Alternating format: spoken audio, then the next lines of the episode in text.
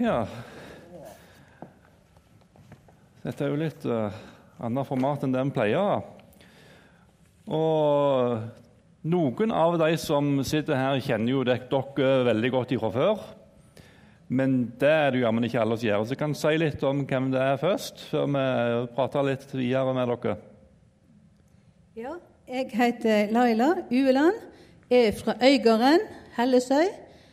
Og eh, vi har bodd i Rogaland i en periode, og så kom vi tilbake til Bergen og bodde i Arna i 28 år. Der var vi veldig aktive på bedehuset. Vi satt i styret, og vi var formann på hver vår tid. Og var veldig aktive. Så flytta vi til sentrum, Sandviken, og da var det naturlig å begynne i Betlehem. Og det er 16 år siden. Så det er ikke så veldig lenge vi har vært her. Men eh, det var jo litt overgang til å komme fra Arna og til, eh, til Betlehem. Men eh, jeg var så heldig at jeg fikk begynne i musikklaget, og det betydde veldig, veldig mye for meg. Den, det fellesskapet vi hadde der, den omsorgen vi hadde for hverandre, der vi kunne be for hverandre, der vi kunne lufte ting som var vanskelig, det var fantastisk. Og det var så godt. Og det har jeg savna nå når vi gikk inn i en ny storm. Vi var i storm den gangen òg. Jeg var veldig mye syk og mye blålys. Men eh, det var en omsorg i, i musikklaget som jeg aldri kommer til å glemme. Og jeg skulle ønske jeg hadde hatt samme omsorgen når vi gikk inn i en ny storm når Lillian ble syk. Ja, eh, er det lyd her nå? Ja, nå kommer ja, flott, flott. Jeg heter da Tarald Ueland, og jeg er jærbu. Og eh, vi bodde i Ja, det er ikke dårlig det, du, Glenn. Eh, og vi bodde i Rogaland, og jeg jobba sju år i Rogaland Indremisjon og har vel preika på de bedehusene som er på Jæren og sånt. Og vi flytta til Bergen, og da var det inn i den kristne bokbransjen. Og der har jeg vært seinere, både i, på forlagssiden og på bokhandlersiden. Og når jeg en gang skulle bli pensjonist, så starta jeg mitt eget lille forlag. Det er veldig usynlig i Bergen, men på Jæren så er det et betydelig forlag. Mm. Ja. Uh, vi har jo satt et tema for denne her uh, samtalen og dette møtet vi har her i dag, 'Når livet gjør vondt'. Og han uh, møtelederen sa jo litt om det, at dere hadde mista dattera deres i 2015. Kan dere si litt om uh, hvordan eh, sykdomstida var før Lillian gikk bort? Ja, det, det kan jeg si. Og uh, når vi går inn i dette og skal si noe om det, så, så må vi være ærlige. Og jeg velger å si det slik at det vi gjør her i dag, det gjenspeiler noe av den ærligheten som ligger i denne boken som vi skal komme tilbake til. Eh, ærlighet møter ærlighet, og det blir respondert med ærlighet tilbake. Det er bare slik det er. Lillian var sjøl veldig åpen omkring sykdommen sin og ærlig i forhold til dette å få kreft og leve med kreft. Og det er jo klart, når kreften banker på døra, og ditt eget barn får diagnosen kreft, da får du dette første sjokket. Kan det være sant? Skal kreften inn i vår familie? Kreft det er noe som rammer alle de andre, men ikke oss. Og plutselig så var vi i den situasjonen at vi var pårørende til en kreftsyk datter. Den var ikke god i det hele tatt. Vi fikk mange Ja, vi hadde mange spørsmål, og vi stilte spørsmål til hverandre, men vi hadde få svar. Og det er jo slik at i den første fasen så har du et veldig håp og tro på at en skal bli frisk. Dette skal gå bra. Eh, statistikken viser at 70% som får kreft i dag, blir frisk. Kreftforskningen er i en rivende utvikling. Stadig skjer det nye ting, nye medisiner osv. Vi gikk jo inn i mye bønn i den tiden der og ba om at hun måtte bli frisk. Det var mange som ba. Ikke bare i vår familie, men utover venner og kjente på hele Vestlandet. Folk som ba mye. Og det er godt å vite at den blir bedt for. Og veldig godt når noen i forsamlingen kom og sa så tydelig Du står på vår bønneliste. Det var godt. Midt i smerten. Men så må vi bare være ærlige og si at til mer vi ba, og til mer andre ba, til sjukere blei Lilja. Den var vond. Den var smertefull. Den satt i ryggmargen som en klo. Vi trodde ikke det var slik det skulle være. Men slik var det. Vi var i en prosess hvor det gikk fra vondt til verre. Fra håp til håpløshet. Og det er jo slik at når du kommer i skjæringspunktet mellom håp og håpløshet, da er det ikke enkle svar. Og vi skal være forsiktige med de enkle svarene og de bestandte svarene. Så kom vi til det punktet da hun fikk beskjed av legen sin Du, Lillian, du har en krefttype som er slik at vi kan ikke gjøre deg frisk. Situasjonen er rett og slett slik at du må forberede deg på å dø ung. Den var vond. Den var vond for oss som pårørende. Av og til så hører vi sagt, og vi har også reist tanken hvem har det egentlig verst i en kreftsituasjon?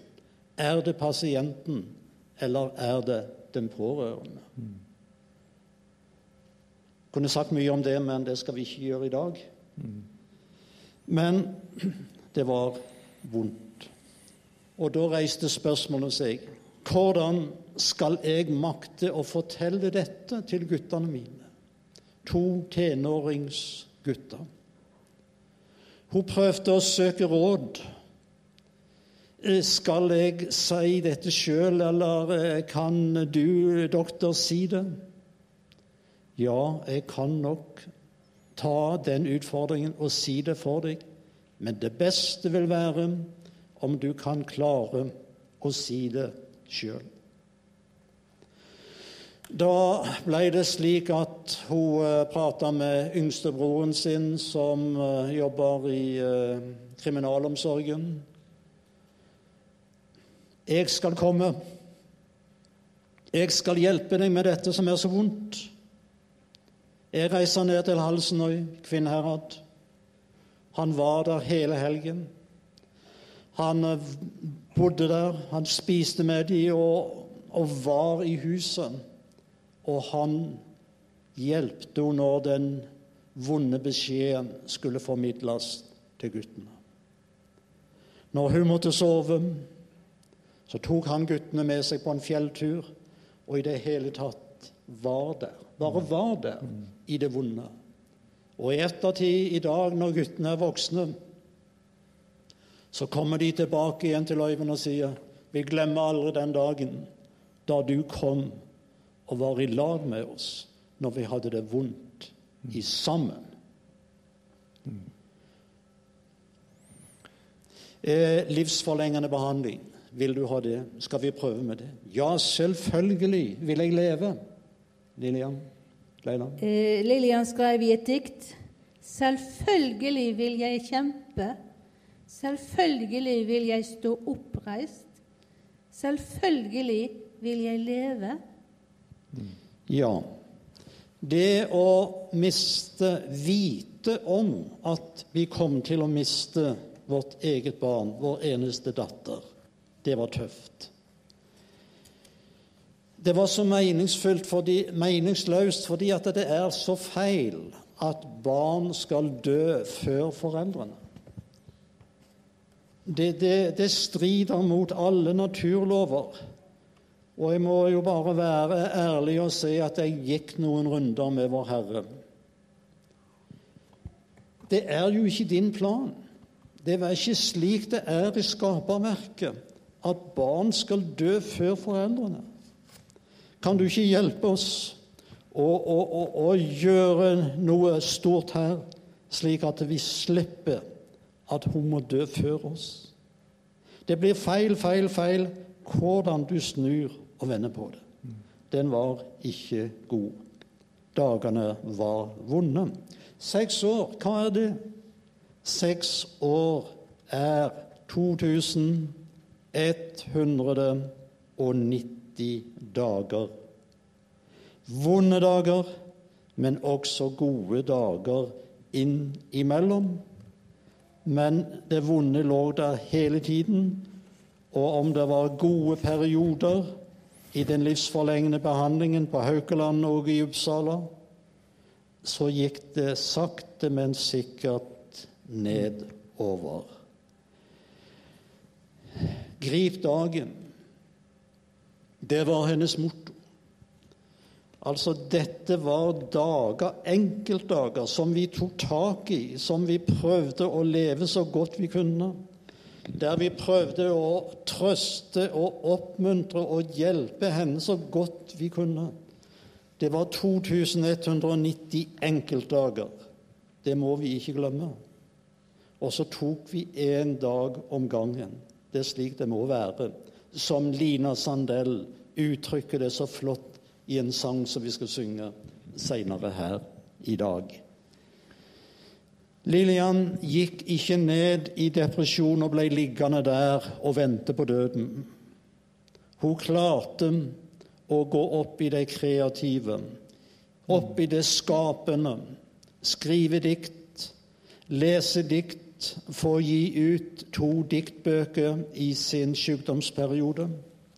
Ja, faktisk så hadde hun vel den mest kreative perioden i sitt liv mens hun var kreftsyk. Og hun jobba fort. Ting måtte skje fort. Jeg veit ikke hvor mange dager jeg har igjen.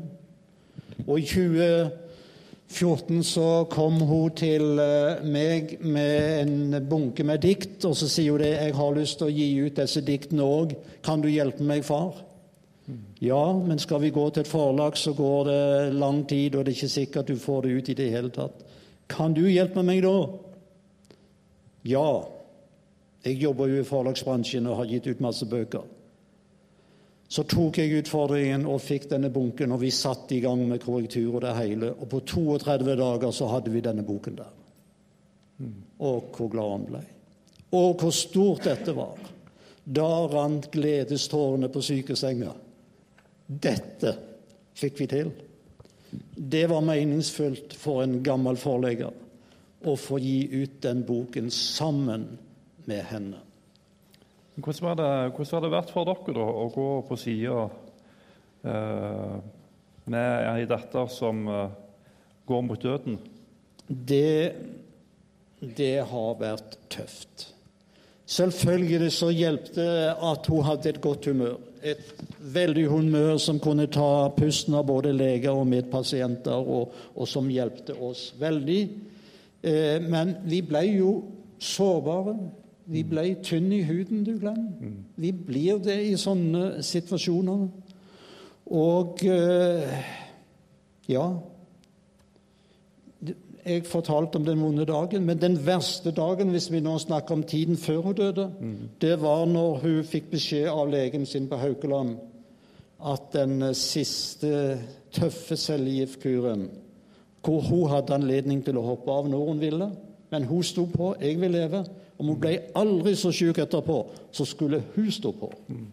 Men da kom han og sa, 'Nå, Lillian, er tiden der.' Etisk, kan ikke jeg forsvare å gå videre med behandlingen. Da kan vi risikere at du dør av behandlingen. Det går ikke. Nå må vi si stopp.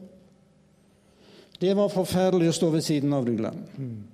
Da var det som ikke bare veggen forsvant, men gulvet forsvant, og vi raste ned i det svarte hullet. Nå er Nå går det mot slutten. Og vi visste nå kunne det gå fort. Og da kjente jeg nå må jeg ha noen å snakke med som har opplevd lignende ting før. Og jeg eh, gikk i min fortvilelse ned på Vardesenteret på Haukeland sykehus. Hadde aldri vært der før, visste ingenting om dem. Jeg bare gikk inn. Ingen diagnose hadde jeg. Jeg skulle jo være frisk. Ja visst skulle jeg det. Men du vet hvor det var. Kommer det en mann i møte med, med meg, rakte ut hånda. Velkommen til Vardesenteret. Fant kaffe til meg. Vi setter oss ved bordet, og vi prater og vi prater. Han prata lite, jeg prata mye. Han var en god lytter. Sånn gjorde jeg, og Leila gjorde det på andre måter. Og vi er jo forskjellige som mennesker. Og når legen en dag sier til meg, når jeg prater med han fortrolig Ja, det er greit nå, du far til Lillian, så lenge døden er der borte, og hun kan vinke til ham. Men hva når døden setter seg på sengekanten? Hva da? Og så kjente jeg det. Hva er det du står og sier her som lege til meg i en sårbar situasjon? Hva tenker du på? Jeg sa ikke det til ham, men jeg knytta nevene mine.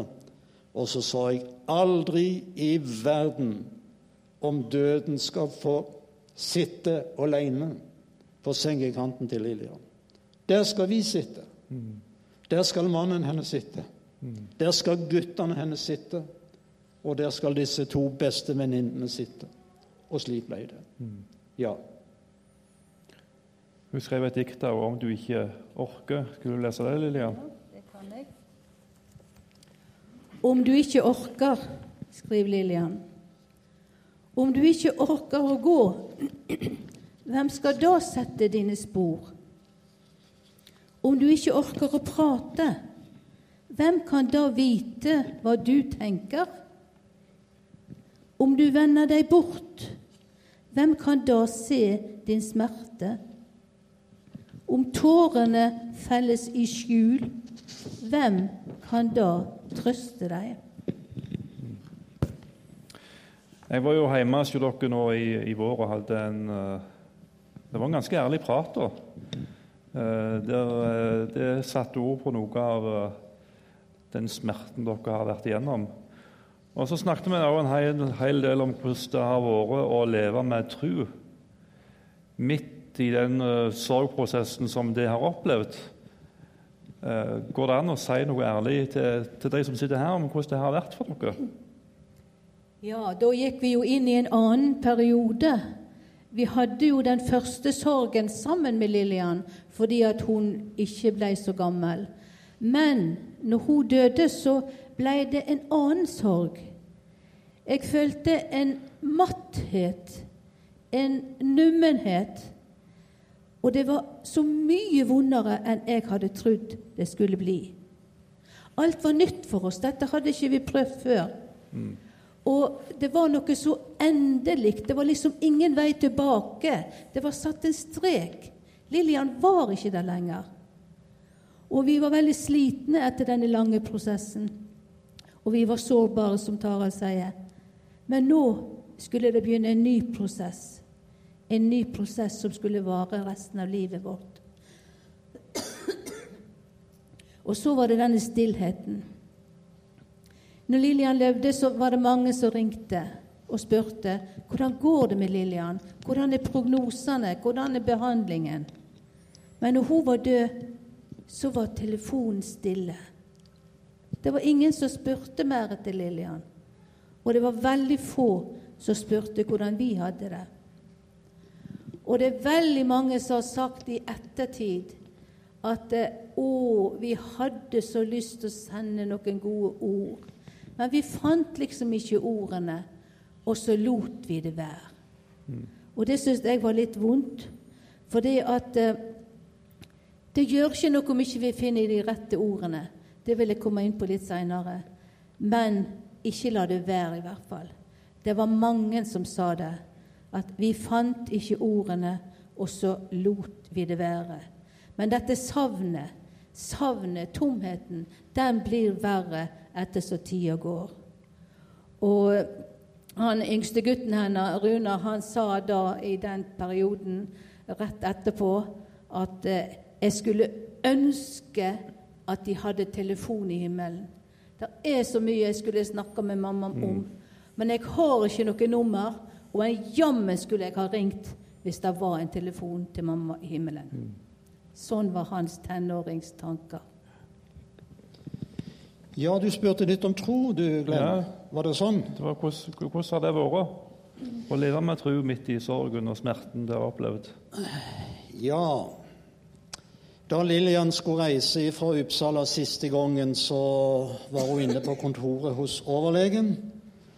Og det siste overlegen sa til henne Har du en tro, så må du bruke den. Mm.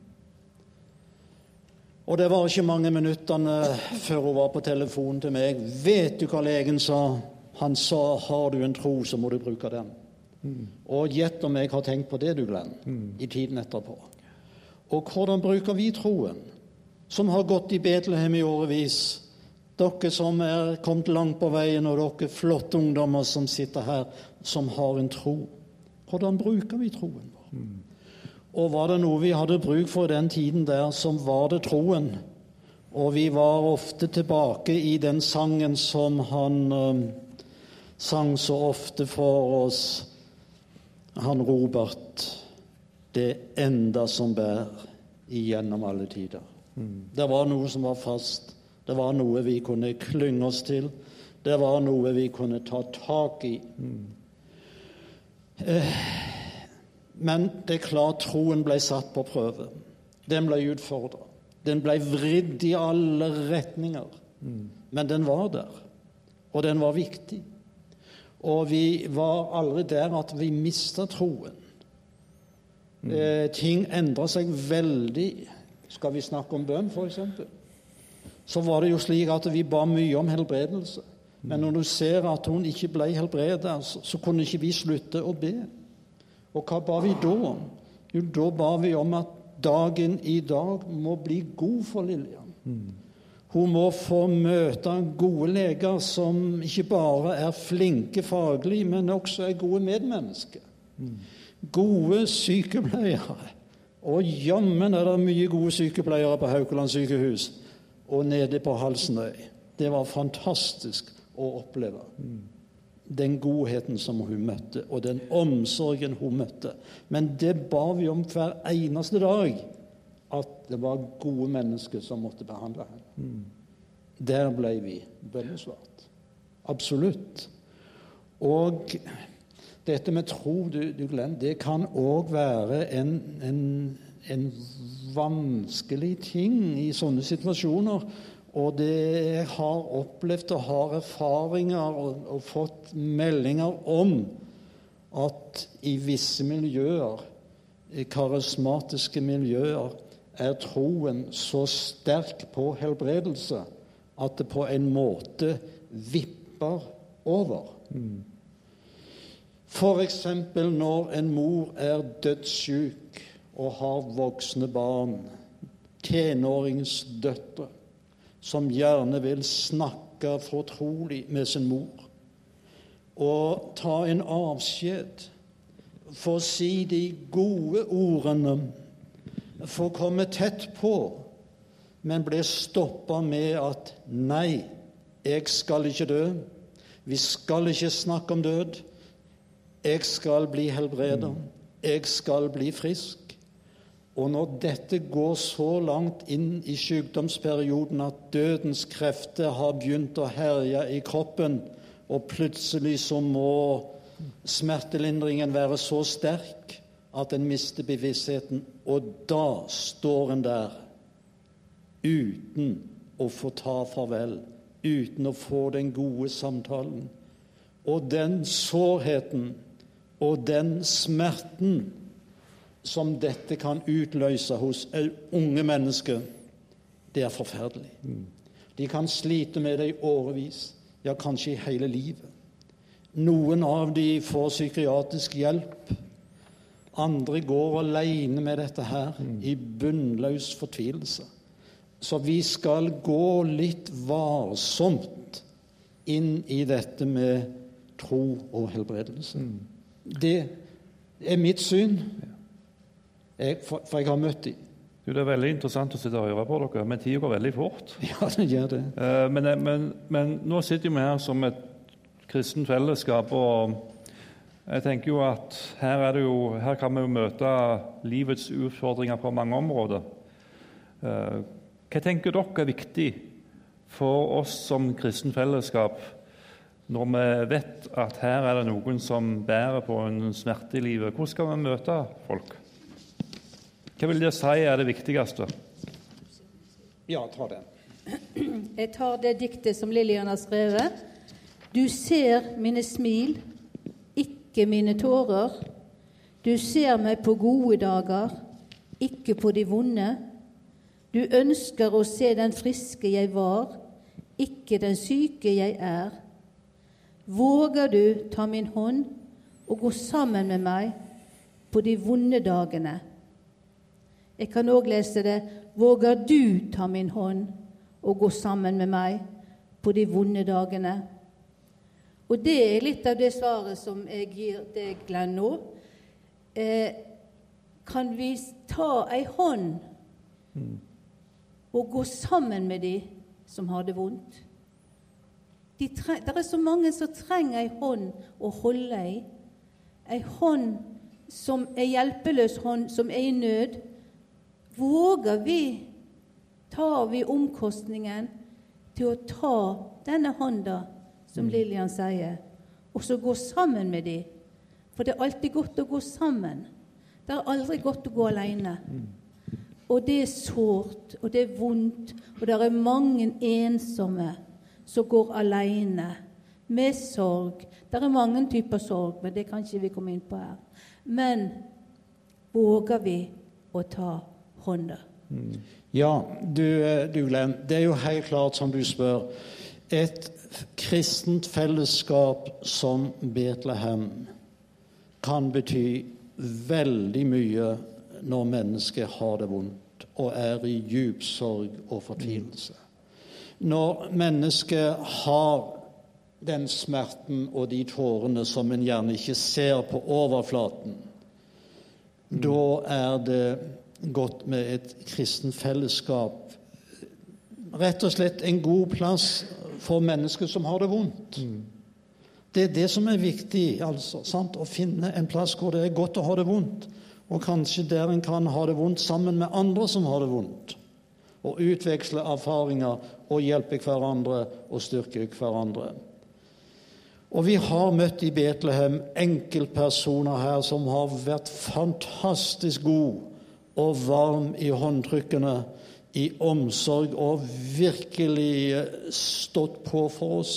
Mm. Og vi har fått noen telefoner som har vært vidunderlig flotte, altså. Mm. Det betyr så mye. Og at i et fellesskap er personer som har evne, og som gjerne får litt opplæring i å gå inn i krevende samtaler når det er nødvendig. Og det hender av og til. Mm. Og dette som eh, Lillian sier i diktet sitt, altså ut ifra sin smerte Noen som våger å, å ta denne hjelpeløse handa mi mm. og, og, og, og, følge meg. Et enormt mm. sterkt dikt mm. som har utløst masse tårer og smerte, men òg glede. Og godt for de som får oppleve at det er noen som tar tak i dem og hjelper dem. Her er vi inne på noe veldig viktig, Glenn, og det, jeg syns det er sprekt gjort av deg å ta denne dagen i dag og gå inn i denne smerten. Det har aldri vært gjort så lenge jeg har gått i Betlehem. Mm. Eh, det skal snart få lov til å sette dere ned, eh, men, men, jeg må høre litt om hvordan, hvordan er livet nå? Altså, det er jo to år siden. Snart to år. Ja. ja. Eh, Og det er vel ikke sånn at uh, når det har gått et år, så er smerten over. Hvordan er det nå? Nei, eh, du kan få si litt etterpå, Leila. Men altså, livet er ikke så fargerikt som det var før. Fordi at Lilly var så fargerik. Eh, savnet er stort, og det kommer over oss som en flodbølge eller som en kastevind. Hjelpe meg, her opplever vi noe som er så flott, og hvor vi skulle fortalt det til Lillian. At ikke hun får vite hva bøkene og diktene hennes blir brukt, for eksempel. Og så har tiden etterpå gitt oss nye utfordringer. Ting å være opptatt med, engasjert i. Og da må jeg jo bare nevne Kreftforeningen, Vardesenteret og eh, at jeg får lov å bli brukt og gå gjerne en dag i veka oppe på Haukeland og prate med kreftpasienter som er i forskjellige faser i livet. Det er meningsfullt. Være ute på temakafeer i Kreftforeningen mm. og møte mennesker i den djupeste fortvilelse som er der som vi var mm. for et år siden. Og kunne prøve å bidra med noe. Mm. Det gir mening og i kirker og bedehus. Altså det gir litt mening inn i en situasjon som er så meningsløs. Ja. Hva sier du, Lillian? Ja, jeg er helt enig med alt dette her. Og jeg òg strever veldig med sovnet. Eh, og dette at ikke vi kan få muligheter til å dele noe som helst med henne. Noen dager går bedre. Jeg prøver å hente fram gode minner og Lillian var veldig opptatt med det å skape gode minner. Det var over hele tida de siste to-tre årene. Vi må skape gode minner. Og hun gjorde det med, med, video, hun spilte inn, hun leste inn, og hun eh, skrev disse diktene og, og, gjorde masse, masse ting. Vi må gjøre noe felles, slik at eh, dere kan ha godt minne etter mm. meg når jeg ikke er mer. Jeg syns da det var brutalt, men jeg er veldig glad for at hun var såpass bevisst, og at hun lagde gode minner. Og så tenker jeg nå er det vi som skal lage gode minner til de som kommer etter oss. Og det òg er et ansvar. Vi skal bruke dagene. Carpe diem, skrev hun. Grip dagen. Vi skal òg være med og skape gode minner for de som skal huske på oss. Men de gode minnene prøver jeg å klynge meg til, men det er ikke alle dager som er like lette, og som eh, er gode å komme gjennom. Men så har vi en vei å gå, og jeg må si jeg ber veldig mye. Veldig mye hver dag. Kjære Gud, nå må du hjelpe meg. Du ser jeg har det vondt. Slik lever jeg akkurat nå. Jeg har lyst til å takke dere for uh, at dere var så modige at dere vågte å sette dere ned i disse stolene her og fortelle litt om hvordan livet har vært, og hvordan livet er. Og så har jeg lyst til bare å si at jeg har lest den boka som uh, det har gitt ut. 'Selvfølgelig vil jeg leve'. Og Den vil jeg bare anbefale på det varmeste. Uh, for meg personlig så var det en sånn øyeåpner inn, inn, i en verden faktisk som er ukjent. Der, der det setter ord på noe av det som det har vært igjennom. Så takk skal dere ha. Og så har jeg bare lyst til å be for dere uh, før dere får se dere ned. Og så skal Arne synge en sang. Vil du si noe om den, du, uh, Tarald, før jeg ber? Ja, hjelpe meg, Arne. Er du så grei at du synger den sangen? Nei. Fantastisk. det, det blir stort. Ja. Og hvorfor jeg har bedt om den sangen der, skal dere få høre fort og kjapt. Siste gudstjenesten Lillian var på, det var på Sunniva. Når gudstjenesten var slutt, og hun damen som spiller der oppe, en eldre dame, så spilte hun Posludium bridge over trøbbelbåter.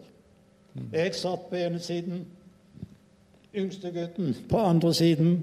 Lillian satt i en rullestol, beina var ødelagt av cellegift og behandling. Dette var tre uker før hun døde. Og når hun spilte sangen, så rant tårene. Hele kroppen hennes levde med i melodien, i musikken.